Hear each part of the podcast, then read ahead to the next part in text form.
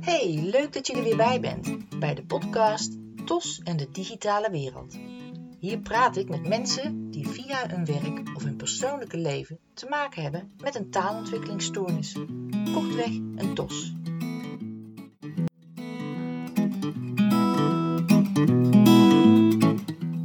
Mijn naam is Marita Teunissen van de website Digitaal Speciaal. En vandaag heb ik een gesprek met.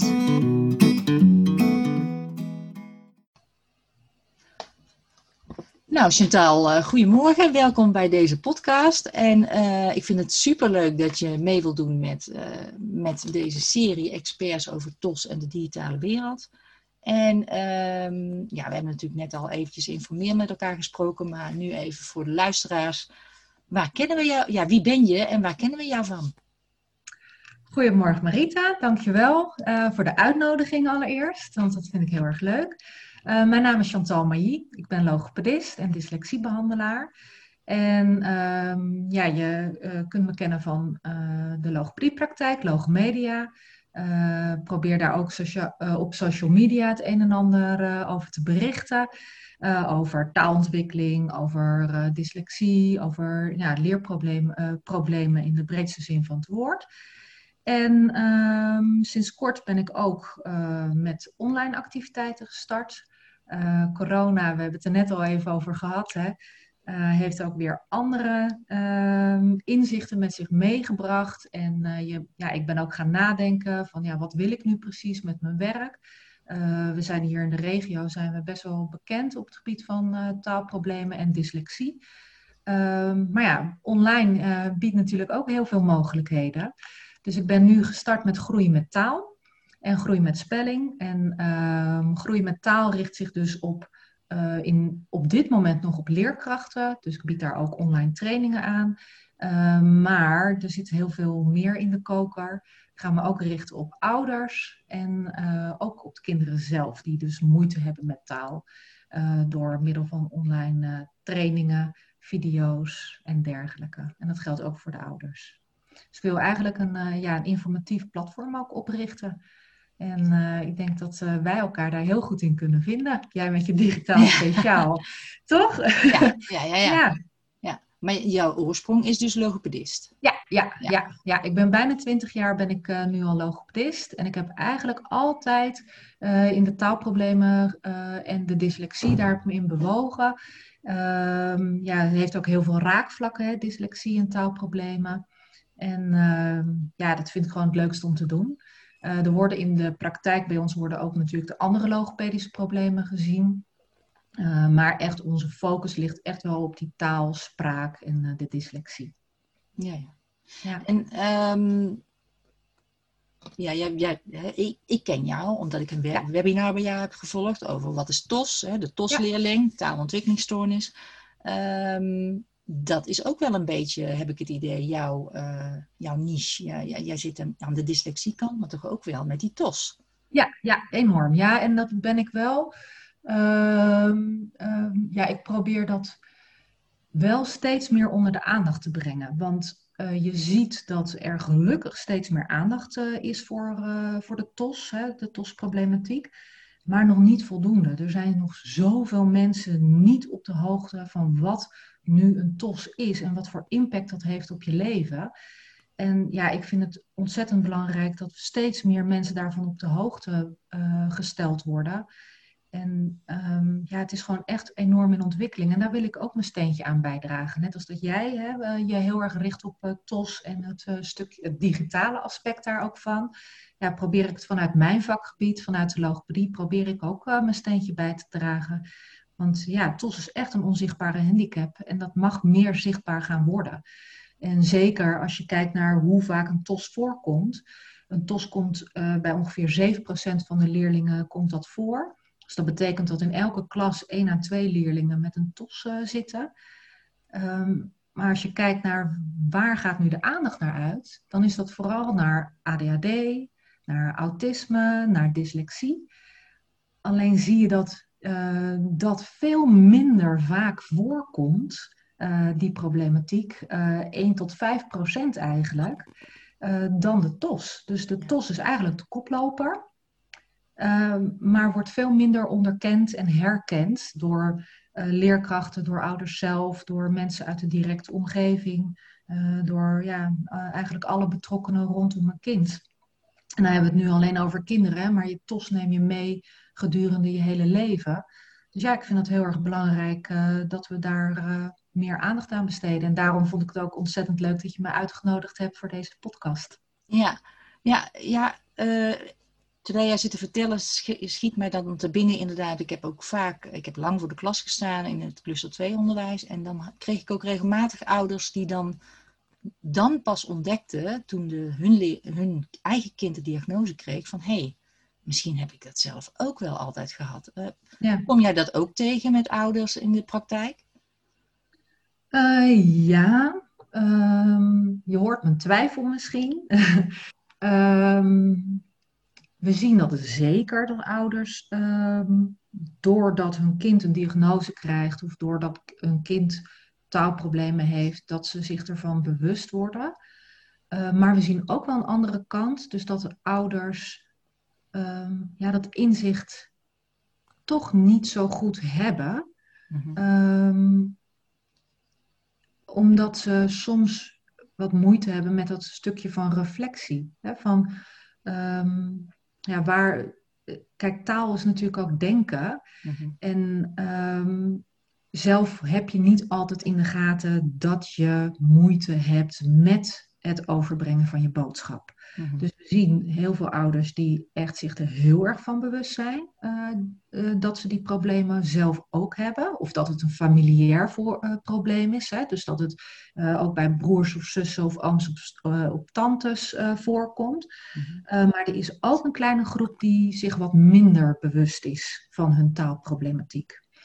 Of dat niet zo willen of durven te tonen dat zij ook dat probleem hebben.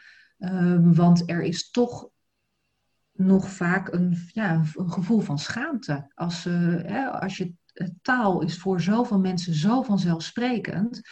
Um, en ja, dan is er ook dus zoveel onbegrip van uh, mensen uit je omgeving. Als jij wat meer moeite hebt met het begrijpen van taal, of dat jij wat meer moeite hebt met het zelf uiten, dat daar dus ook gewoon soms een uh, laagje schaamte over zit overheen zit. En ehm, dus ja, een deel zal het niet doorhebben, een deel uh, komt er zelf achter, een deel durft het niet toe te geven vanuit schaamte. Ja, ja, dat... Ook bij de dyslexie bijvoorbeeld zien we dat ook veel voorkomen. Dus dat ouders, uh, wanneer een diagnose gesteld wordt, dat zij er ook achter komen van, goh, mogelijk heb ik dat ook. Ja. En je ziet dus eigenlijk dat die twee uh, stoornissen best wel veel overlap laten zien, met name sociaal-emotioneel ook. Ja.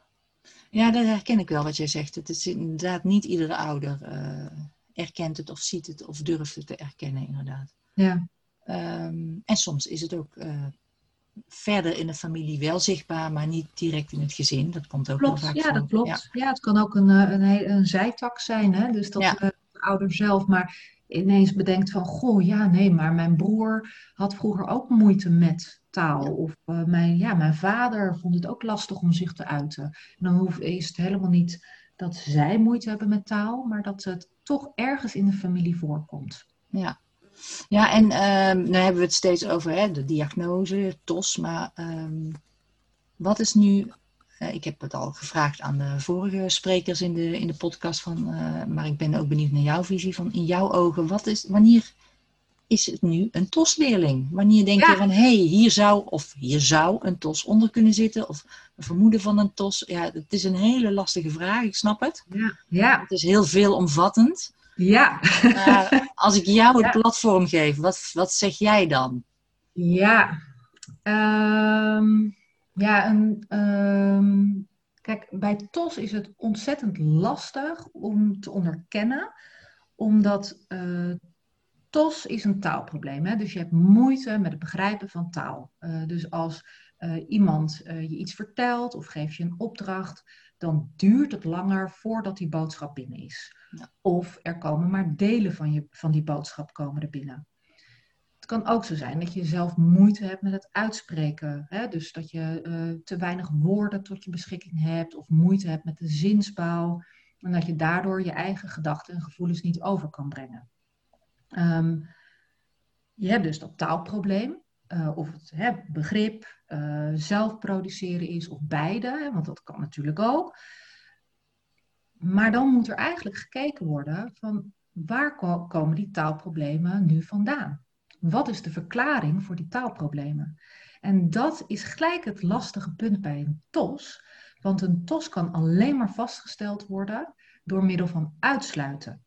Dus we gaan kijken naar de intelligentie. Oké, de intelligentie is goed. Mooi, dan weten we dat. Um, kan dus geen verklaring zijn voor de taalproblematiek. We gaan kijken naar het gehoor. Nee, het gehoor is prima. Dus dat kan ook geen verklaring zijn voor de taalproblemen. We gaan kijken naar, uh, zijn er nog andere problemen op de achtergrond? ADHD, autisme? Nee, dat is het ook niet. Dus we gaan eerst, we gaan eigenlijk, het is een soort ui die je gaat afpellen. En je gaat iedere keer stapje voor stapje bekijken van nou, dit is het niet, dat is het niet, zus is het niet, zo is het niet. En uiteindelijk kom je dus alleen nog maar met het, uh, blijft het taalprobleem alleen maar over. En als we zien dat na extra begeleiding, na extra ondersteuning, dan een kind echt hardnekkige taalproblemen blijft houden, uh, ja, dan kan de diagnose gesteld worden. En uh, een diagnose wordt altijd gesteld uh, in een multidisciplinair team dus je hebt de logopedist voor het taalstukje, je hebt de psycholoog voor uh, de intelligentie en de KNO-arts om het gehoor te bekijken. En uh, dat is ook omschreven in de richtlijn uh, TOS, die in 2017 ont, uitgegeven is. En, um, maar dat geeft ook gelijk weer hoe lastig het is om een TOS te onderkennen. Want je moet eerst gaan schrappen. En het taalprobleem blijft over. En dan maakt het ook nog eens lastig dat ieder taalprobleem anders is. Dus iedere TOS is anders. Geen enkele leerling met TOS is hetzelfde. En dat maakt het ook zo lastig. Ja. En um, ja, dus ik vind TOS. Um, uh, kijk, wij weten er natuurlijk veel meer van. Hè. We hebben er natuurlijk uh, uh, onze opleiding voor gehad. we hebben onze ervaring, dat heb jij ook. Dus je kan eerder inschatten hè, van nou, dat, dat er een vermoeden is van TOS, maar dan nog gaat er een heel traject aan vooraf voordat uiteindelijk de diagnose gesteld wordt. Mhm. dus, um, en dat maakt het ook best wel lastig eigenlijk. En ik, daardoor is het ook wel wat meer begrijpelijk dat mensen ook wel moeite hebben met het begrijpen van wat een TOS nu is. En ik denk ook dat het daardoor ook komt dat TOS ook wat minder um, ja, opgepakt wordt ehm, door de mensen, dat ze begrijpen wat het nu precies is. Omdat het gewoon ook heel erg moeilijk te begrijpen is. Zeker, hè, wat ik net al zei, ehm, voor ons is taal heel erg normaal om dat te gebruiken. Ja. Maar voor een leerling met TOS is dat niet het geval. Ja. En jij, jij noemde net al die uitsluitings... Uh, uh, die uitsluitingsformule eigenlijk een beetje. Hè? Van, ja. Uh, je haalt zus, je haalt zo weg. Maar hoe zit dat met, uh, hoe zie jij uh, de, de, de, de, de NT2-leerling hierin? De leerling met een uh, andere achtergrond? Um, nou, de NT2-leerling um, ehm, kan ook wel degelijk een TOS hebben. Hè? vaak wordt er dan gedacht, oh ja, dat komt door die NT2-problematiek dat een leerling niet meekomt met taal. Ja. Uh, maar ja, er kan ook wel degelijk een TOS aan de grondslag liggen. En dat zie je dan vaak dat hè, kinderen in alle talen die zij uh, spreken, dus moeite hebben met uh, uiten en moeite hebben met begrijpen. Dus het, komt, het taalprobleem komt dan in alle talen terug. Ja. Dus, en NT2 is dus nog lastiger te onderkennen, omdat je nog meer uit te sluiten hebt. Want je moet dus ook eigenlijk een onderzoek doen naar de, de thuistaal. Hè? De, de taal die uh, thuis gesproken wordt. Dus dat is nog een stukje lastiger. Ja, daarom vraag ik het ook. En uh, toevallig had ik deze week ook weer een leerling waarbij dat heel lastig is. En dan wordt het toch een kwestie van extra logopedisch onderzoek inderdaad. Een, een moedertaaldiagnose. Er moet van alles nog eigenlijk nog veel meer dan normaal uit de kast gehaald worden om te gaan kijken van wat is dit nu? En er moet ook al, en er moet al heel veel uit de kast gehaald worden. Dus moet je nagaan hoe lastig het is om uh, ook nog NT2-problematiek uh, uh, te bekijken in het kader van TOS. Ja. maar ik denk ook aan de andere kant dat het wel goed is. Hè? Dat er gewoon goed gekeken wordt naar het kind zelf. Wat zijn de mogelijkheden van het kind? Dat, al, dat eigenlijk alles een beetje uitgesloten wordt voordat je tot zo'n diagnose komt.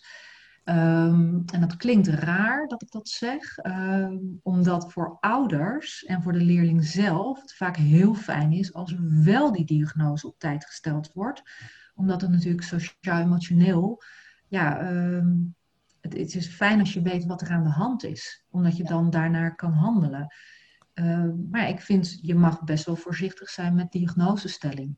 Uh, want een TOS is iets wat je natuurlijk meeneemt voor de rest van je leven. En dan vind ik ook wel dat je daar goed onderzoek naar moet doen om dat überhaupt vast te stellen. Ja, ja en op dat, op dat snijvlak uh, opereer ik zelf een beetje als AD'er. Ja. Want uh, ik, ik, zie, ik zie vaak kinderen waarbij ik denk van, oh hier zou een diagnose enorm van pas komen, omdat dat tegelijk extra begeleiding betekent op school. Ja. Dat geeft mogelijkheden ook om binnen te komen in zo'n klas, om zo'n leerkracht te coachen. Ja. Maar zolang die diagnose of een vermoeden van er niet is, kan dat ook officieel niet toegekend worden. Dus dan, dan hangt zo'n leerling eigenlijk een beetje tussen wal en schip. Ja, ja klopt.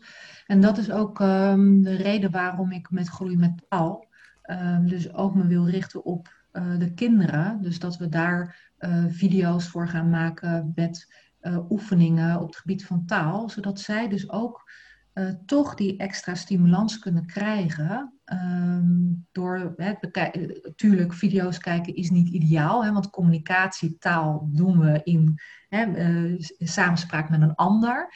Um, maar deze groep ja, valt zo tussen wal en schip dat het denk ik goed is als daar nog iets anders voor ontwikkeld wordt. En dan heb je het over de groep eigenlijk die, waar, die nog geen diagnose heeft, maar wel duidelijk wat taalproblemen laat zien. Ja, ja, ja. ja, ja dat is eigenlijk ook een beetje de groep waar uh, onderwijsmensen vaak tegenaan lopen van ja, en nu?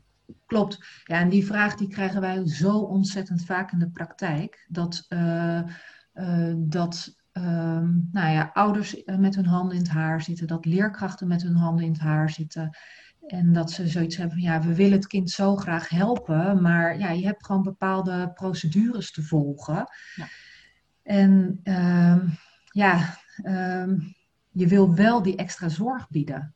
En uh, omdat wij dus die vraag zo vaak kregen, uh, ja, ben ik uh, um, op het idee gekomen om dit te gaan ontwikkelen. En het staat echt nog in de kinderschoenen, hè, want ik heb nu dus die training voor leerkrachten dus over signaleren van taalproblemen en TOS ontwikkeld. En we gaan daar nog meer trainingen gaan we daar aan toevoegen. Dus het is het begin van ja, uh, iets moois, hoop ik. Ja, zeker. Ja. ja. Kun je zeggen dat het nu jouw missie is om, uh, ja, om alle kinderen met een taalprobleem te helpen in wat voor, uh, ja, in wat voor diagnose ze ook vallen? Of juist niet in een diagnose? Of zeg je van, mijn missie is het echt praktisch aan de slag te gaan? Of echt dat digitale stuk? Ja, kijk, het is een combinatie natuurlijk van, want we, ik heb natuurlijk gewoon de logopediepraktijk. En, uh, dus, um, ik, en ik vind ook wel dat het heel erg fijn is om persoonlijk contact te hebben. Um, maar uh, je hebt ook een aanvulling nodig. Uh, en we zien ook hè, we in de praktijk krijgen we ook vaak de vraag van ja, we willen zo graag nog thuis extra oefenen. Maar dat ouders dan niet zo goed weten hoe ze dat moeten doen. Nou, dat willen we dus ook gaan opvullen. Dat we dus ouders daarin ondersteunen dat ze thuis kunnen oefenen. Ja. Dus ja, um, eigenlijk willen we uh, kinderen met taalproblemen willen we kunnen bereiken. En kunnen wij mooie lessen gaan aanbieden. Uh, die ze dus online kunnen volgen. Maar dat kan nooit een vervanging zijn voor de communicatie met anderen. Hè? Dus het is altijd een toevoeging en nooit een vervanging. Ja. Uh, hè, dus uh, logopedische begeleiding blijft nodig. Uh, extra ondersteuning door, door jou blijft nodig. door de leerkracht blijft nodig. maar het is dan ook wel zo dat, dat ook de mensen om een kind heen goed geïnformeerd worden over wat het nou precies is en wat het probleem is wat het kind ervaart. En daar wil ik dus ook mijn steentje aan bijdragen, door daardoor voor die groep ook trainingen te ontwikkelen. Ja, ja dus het is eigenlijk twee, jouw missie heeft eigenlijk twee, twee doelen. Aan de ene kant praktisch ondersteunen en aan de andere kant informatievoorziening. Juist, ja, klopt. kennisverbreiding. En, ja, ja, ja.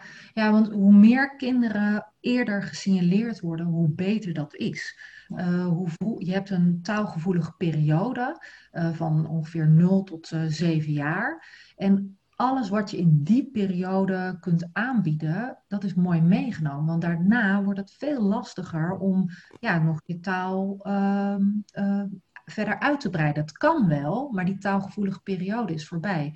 Dus ja, ik wil echt proberen, en uh, nou, ook met, samen met jou, hè, want jij hebt eigenlijk ook zo'nzelfde missie, uh, om ja, uh, mensen mee te nemen en ja, eerder te laten signaleren, zodat er eerder extra ondersteuning is. En dan ben je ook um, vaak die sociaal-emotionele problemen ben voor.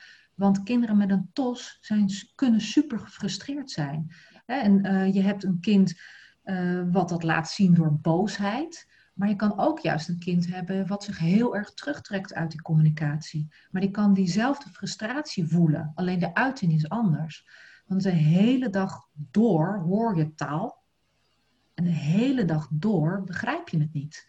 Dus ja, hoe eerder je een kind kan helpen en ondersteunen en hoe eerder je ook ouders daarin kan betrekken, zodat zij meer begrijpen ook van het taalprobleem van een kind, ja, hoe beter dat is. Want je bent gewoon veel meer frustratie ben je voor.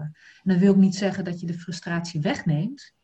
dat, dat kan niet. Nee, nee, ja. Maar je kan het wel, uh, kan je het ehm, ja, verminderen en dan kan je een kind al de tools geven om uh, met hun handicap om te gaan. Het is voor kinderen ook, denk ik, uh, heel fijn om uh, te ontdekken, ik ben niet alleen. Dat merkte ja. ik altijd in de klas. Hè? Kinderen die dan het, het, uh, het geluk, als ik het zo mag zeggen, hadden om op het speciaal onderwijs terecht te komen, die hadden meteen zo'n warm bad van ja, ik ben niet alleen.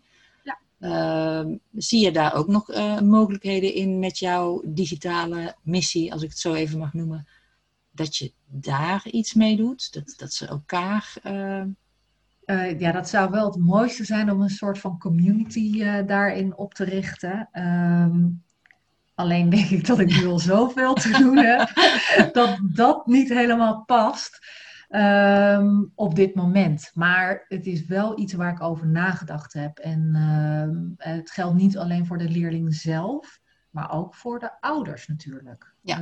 Um, hè, want ook uh, een ouder kan zich heel erg alleen voelen en onbegrepen voelen. En dan is ook voor een ouder het heel erg fijn als ze in aanraking kunnen komen of in contact kunnen komen met uh, ouders die hetzelfde ervaren.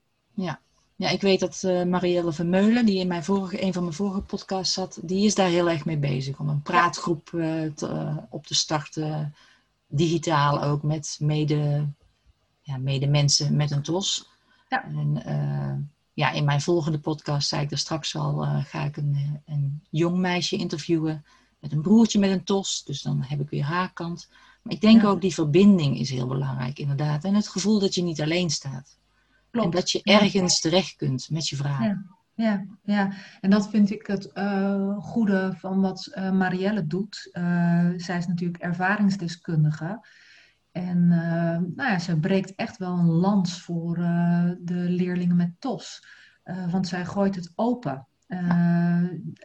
en ik denk dat zij echt dat zij niet doorheeft wat zij doet voor de leerlingen met TOS. Ehm, ja. En dat vind ik echt heel erg mooi om te zien. Dat zij dat, en ik denk dat zij ook de, de, juiste persoon is om dat dus ook te doen. En hetzelfde geldt, je hebt ook een uh, interview gehad uh, met uh, Helene Gorter. Ja. Hè, zij is natuurlijk een ervaringsdeskundige, maar dan vanuit de rol van een ouder. Ja, en ehm, ja, voor, ik denk dat voor dat soort mensen die rol heel goed is. En omdat je vanuit ervaring spreekt. Ja, dat denk ik ook. En natuurlijk is het altijd weer anders. Hè? Uh, maar je hebt inderdaad een stukje verbinding. En dat is in de tijd van de digitale wereld is dat heel erg mooi.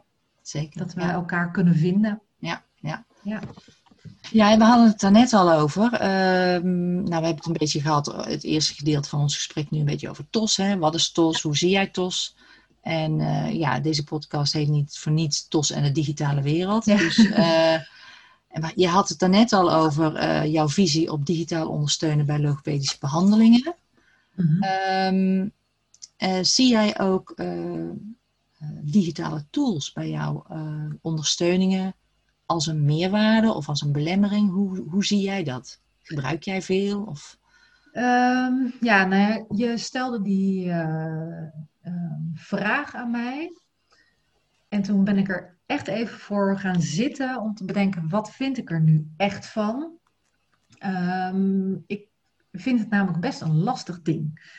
Um, aan de ene kant ben ik een voorstander van uh, digitale ondersteuning en dat gebruiken wij ook echt heel erg veel in de praktijk. Uh, aan de andere kant ben ik soms een beetje bang dat het digitale stukje bij sommige ouders een vervanging is. Hm. En dat kan niet. Uh, want taal leer je in communicatie met anderen. Hè? Taal leer je van je ouders, van je omgeving. En um, soms um, ja, gaat dat digitale stukje, wordt eigenlijk als vervanging gebruikt.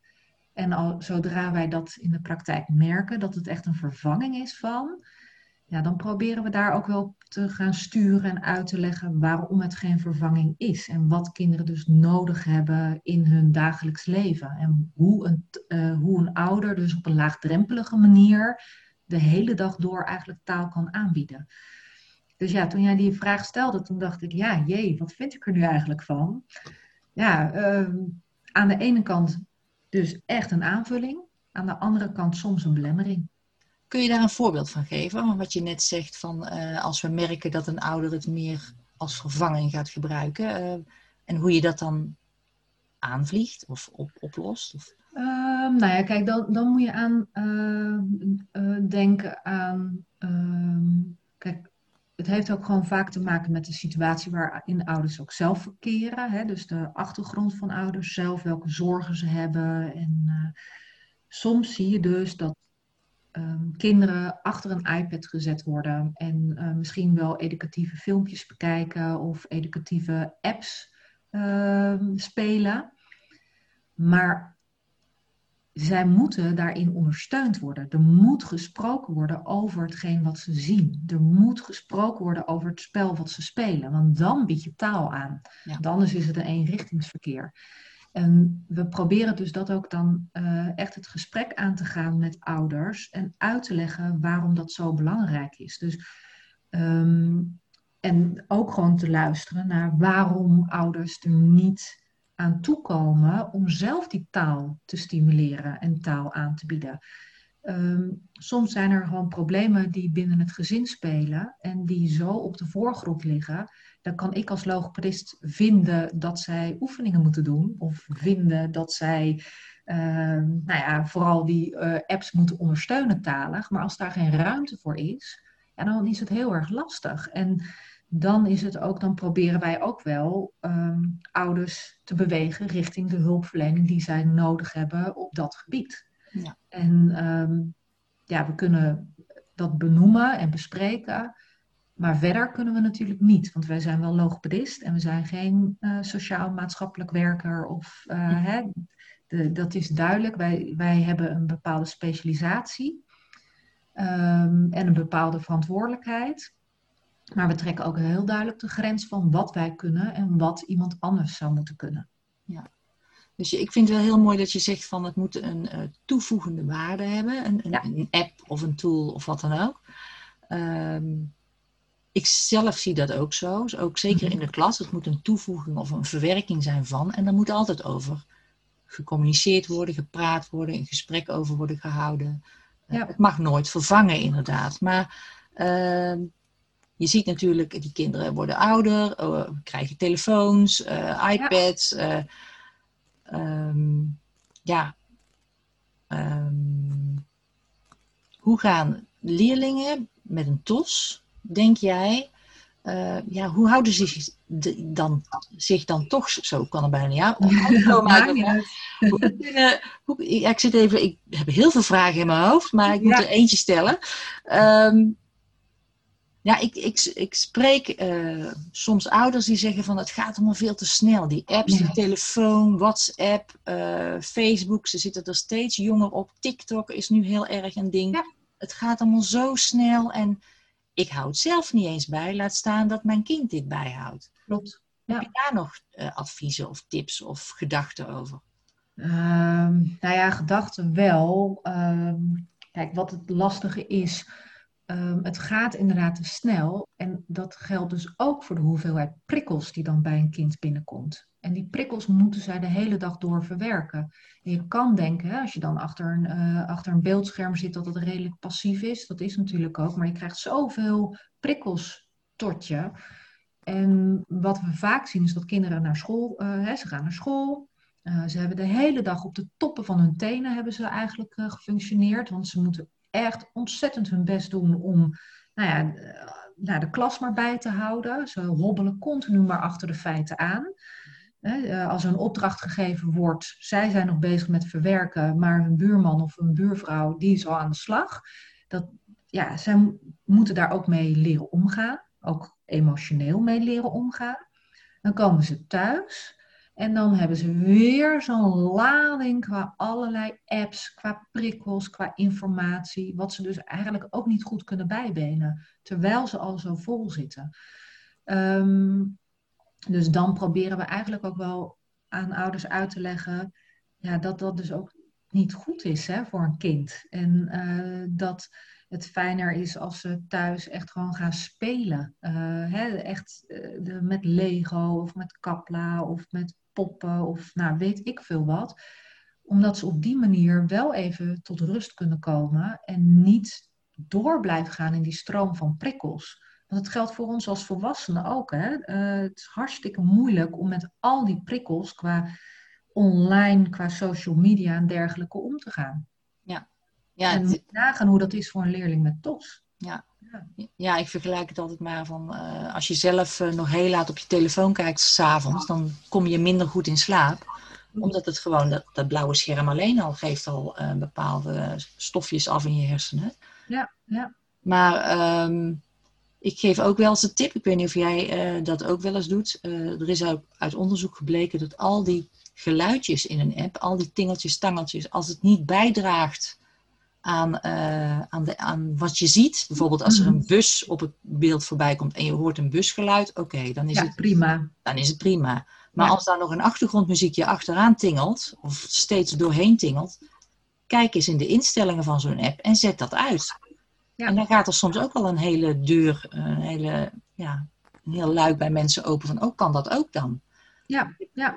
ja. Ik, ik weet niet of jullie dat, dat ook... wel een goeie. Nee, Um, nee, eigenlijk niet. Ik vind het een hele goede van je. Uh, hè, ik uh, ben wel op de hoogte hè, dat je uh, dat geluid moet ondersteunen en dat al die afleiding alleen maar ruis is. wat verwerkt moet worden. Maar ja, het is een goede van je dat je ook inderdaad bij de instellingen daarin kan aanpassen. Zal ik meenemen. Dankjewel voor de tip. Ja, ja? ja ik geef het ook heel vaak aan leerkrachten. Van, ja zet dat gewoon uit. En uh, bekijk als ouder zelf. Speel die app zelf ook eens. Ja, klopt. Ja, Want... ja nee, dat doe ik ook hoor. Ik heb dan een uh, zoontje van zeven. En die heeft dan wel eens, uh, spelen ze dan apps of op de iPad spelletjes met vrienden. En ja, dan check ik altijd wel wat de mogelijkheden zijn van zo'n app. Um, en ook zeker wat, of er een mogelijkheid is voor een chat of niet. En dan probeer ik dat ook allemaal uit te zetten. Dat het echt alleen iets is wat hij dan kan spelen met of een direct kindje of zelfstandig. Uh, maar dat is natuurlijk eigenlijk weer een ander verhaal. Maar het is heel goed om te checken waar, waar je kind mee bezig is. Um, omdat ja, sommige apps zijn gewoon echt geen aanvulling. Nee, dat, uh, Die moet je eigenlijk proberen te vermijden. En uh, ja, uh, je kan het duidelijk maken wanneer je het zelf ook eens een keer bekeken hebt. Ja, ja. En je Want dan weet je waarom je het goed vindt of waarom je het niet goed vindt. Ja, klopt, ja. Ja, en de, ook een heel groot, uh, heel vaak gehoorde klacht is van ja, dan geef ik hem die iPad met een app en dan kijk ik vijf minuten later en is hij met iets heel anders bezig. Ja, ja, ja. En dan swipen ze maar door en dan zitten ze ineens op YouTube filmpjes te kijken wat Ja. niet de bedoeling was. Klopt. Ja. Hoe, ga- hoe gaan jullie daarmee om eh, als advies? Of... Eh, nou, ik denk dat dat meer jouw eh, expertise is hoor. dat, nee, nee, ik- nee, dat is echt, kijk, dat vind ik altijd gewoon heel erg lastig. Dus als jij daar een eh, goede tip voor hebt, heel graag. Want ja, dat horen wij heel veel van ouders terug. En eh, dat zie ik zelf ook.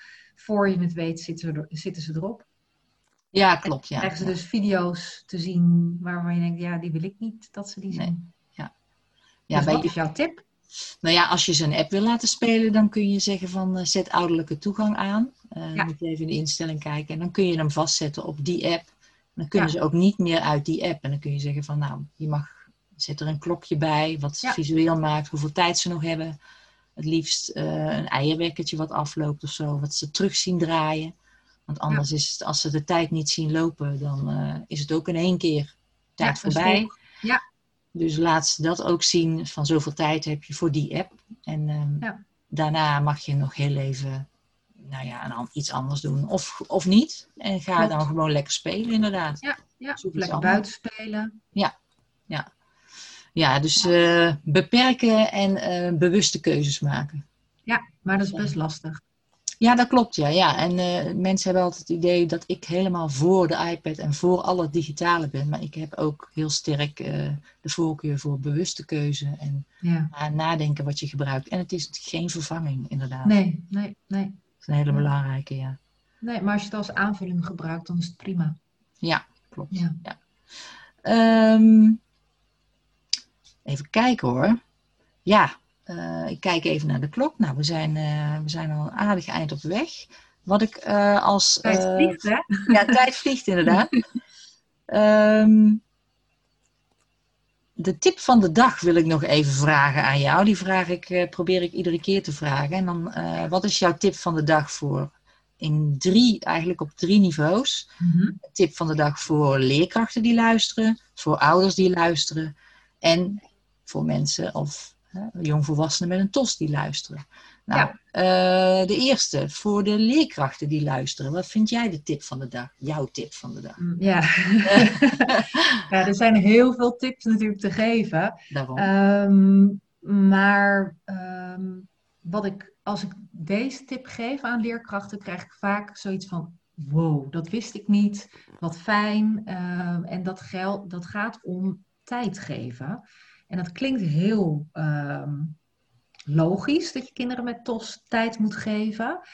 Eh, het duurt natuurlijk allemaal langer voordat ze jouw vraag verwerkt hebben. En het duurt ook eventjes voordat ze een antwoord hebben kunnen formuleren op je vraag.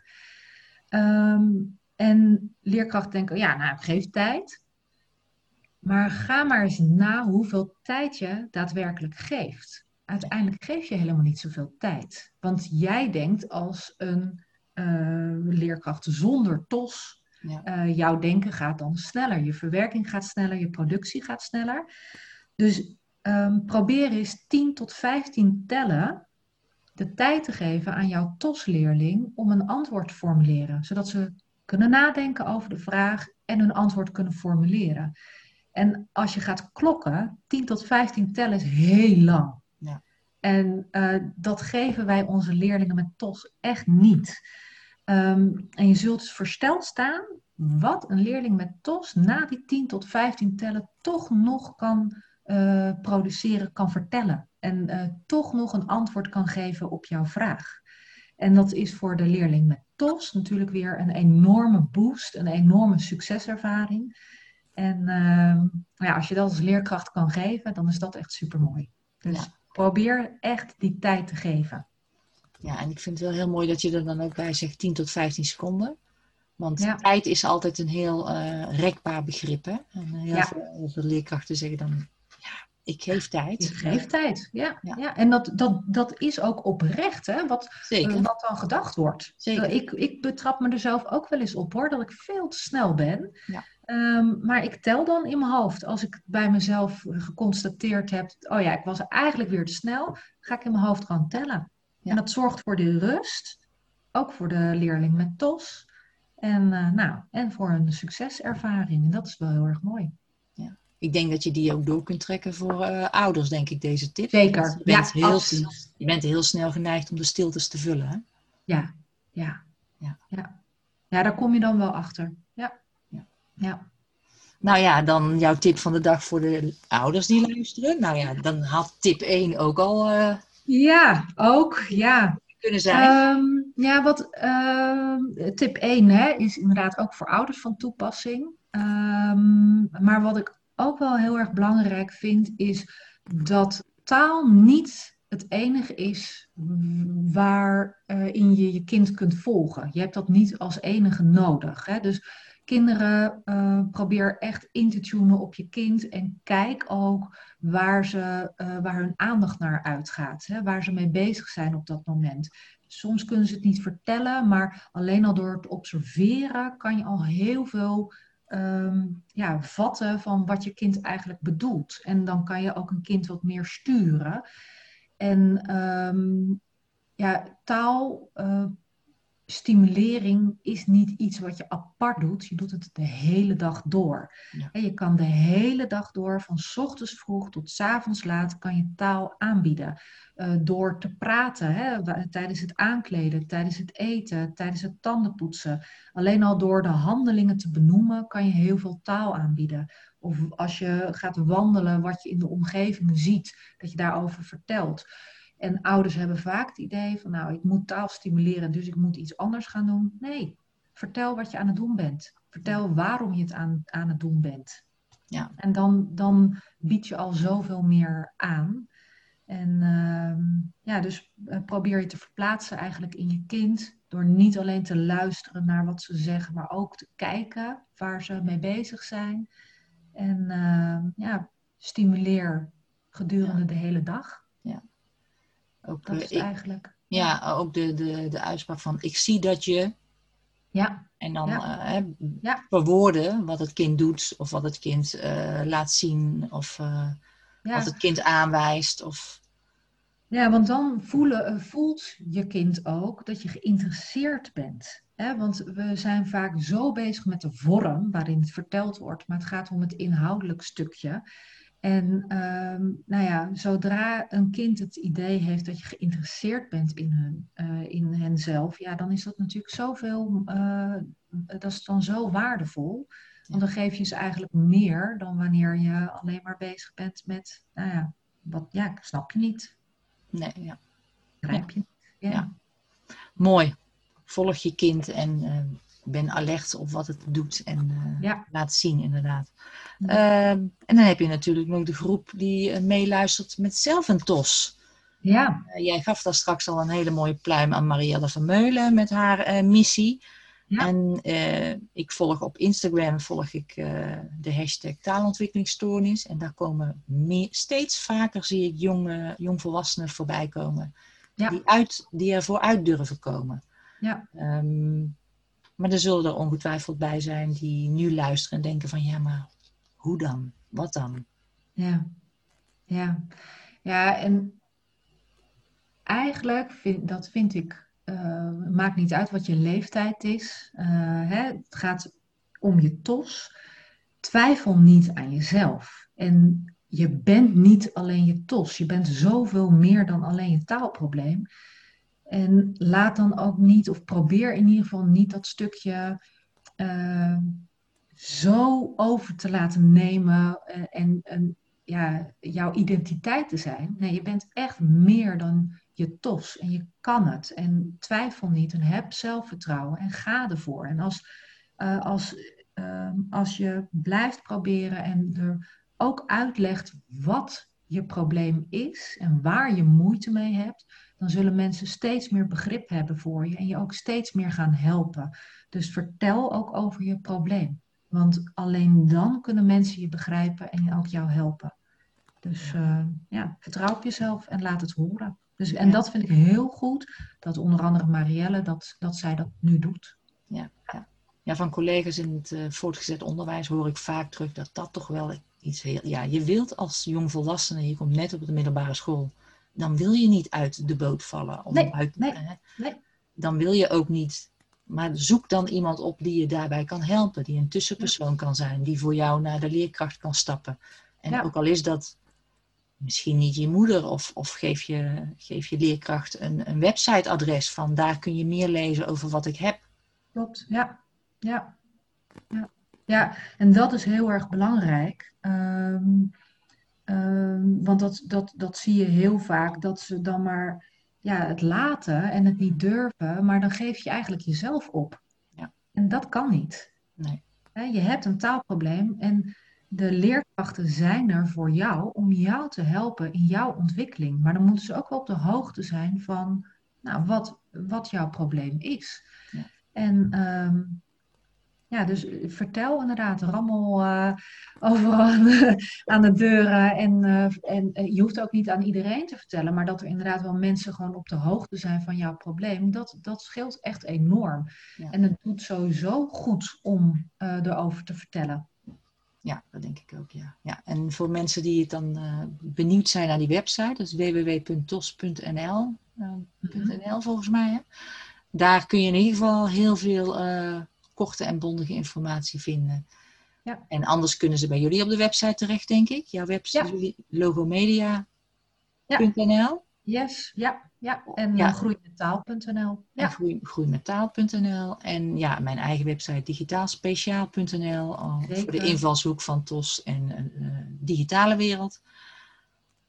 Goed, dan denk ik dat we aan het eind gekomen zijn van ons gesprek, eh, Chantal. Hey, nou. Ja, het is voorbij gevlogen. Eh, Ja. ik, zou, ik zou nog wel een uur door kunnen praten. Ja, zeker. Ik denk dat de luisteraars dan denken, nou, nu ga ik wat anders doen. genoeg. Ja. Zijn er nog dingen waarvan je zegt van, nou, dat wil ik nog even eh, vermeld hebben? Eh, of zeg je, ik heb eigenlijk alles wel gezegd? Voor vandaag dan, hè? Mm, Ja, voor vandaag. Ja. Nee, voor vandaag denk ik dat het goed is. Dus eh, ik wil je in ieder geval bedanken voor de uitnodiging. Nou ja, jij hartstikke bedankt dat je er was. Ja, je hebt een hele mooie missie. Dus eh, Ja, dat we samen eh, gaan bijdragen aan de bekendheid van TOS. nou dat absoluut denk ik. En eh, als we elkaar een keer live zien, want dat is natuurlijk nu niet, dit is allemaal Nee. eh, online. Ja, als we een keer elkaar live zien, dan praat ik heel graag verder. En ja, we houden elkaar op de hoogte van onze activiteiten, denk ik. ja leuk. Ja, zeker. Dan, ik volg je graag. Ja, en voor, Ja. de voor de luisteraar die toch nog even die eh, websiteadressen wil, ik eh, zet dit, deze podcast met een bijbehorend korte blog weer op mijn website. En daar zal ik ook alle even link, de link naar jullie, logomedia.nl, zetten. Ja, top. en dankjewel. die andere websites die ik heb genoemd. Ja. Ehm, bedankt voor je bijdrage aan deze podcast. En eh, ja, voor de luisteraars hopelijk weer tot hoors in de volgende podcast met eh, alweer een nieuwe expert over TOS en de digitale wereld. Chantal, bedankt. Ook bedankt. En, En eh, tot snel hopelijk. tot snel. Dank je.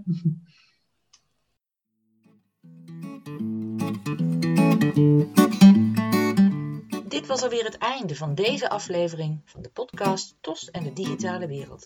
Bedankt voor het luisteren. Je kunt je abonneren op deze podcast via een van mijn social media kanalen of via mijn website Digitaal Speciaal. Tot de volgende podcast.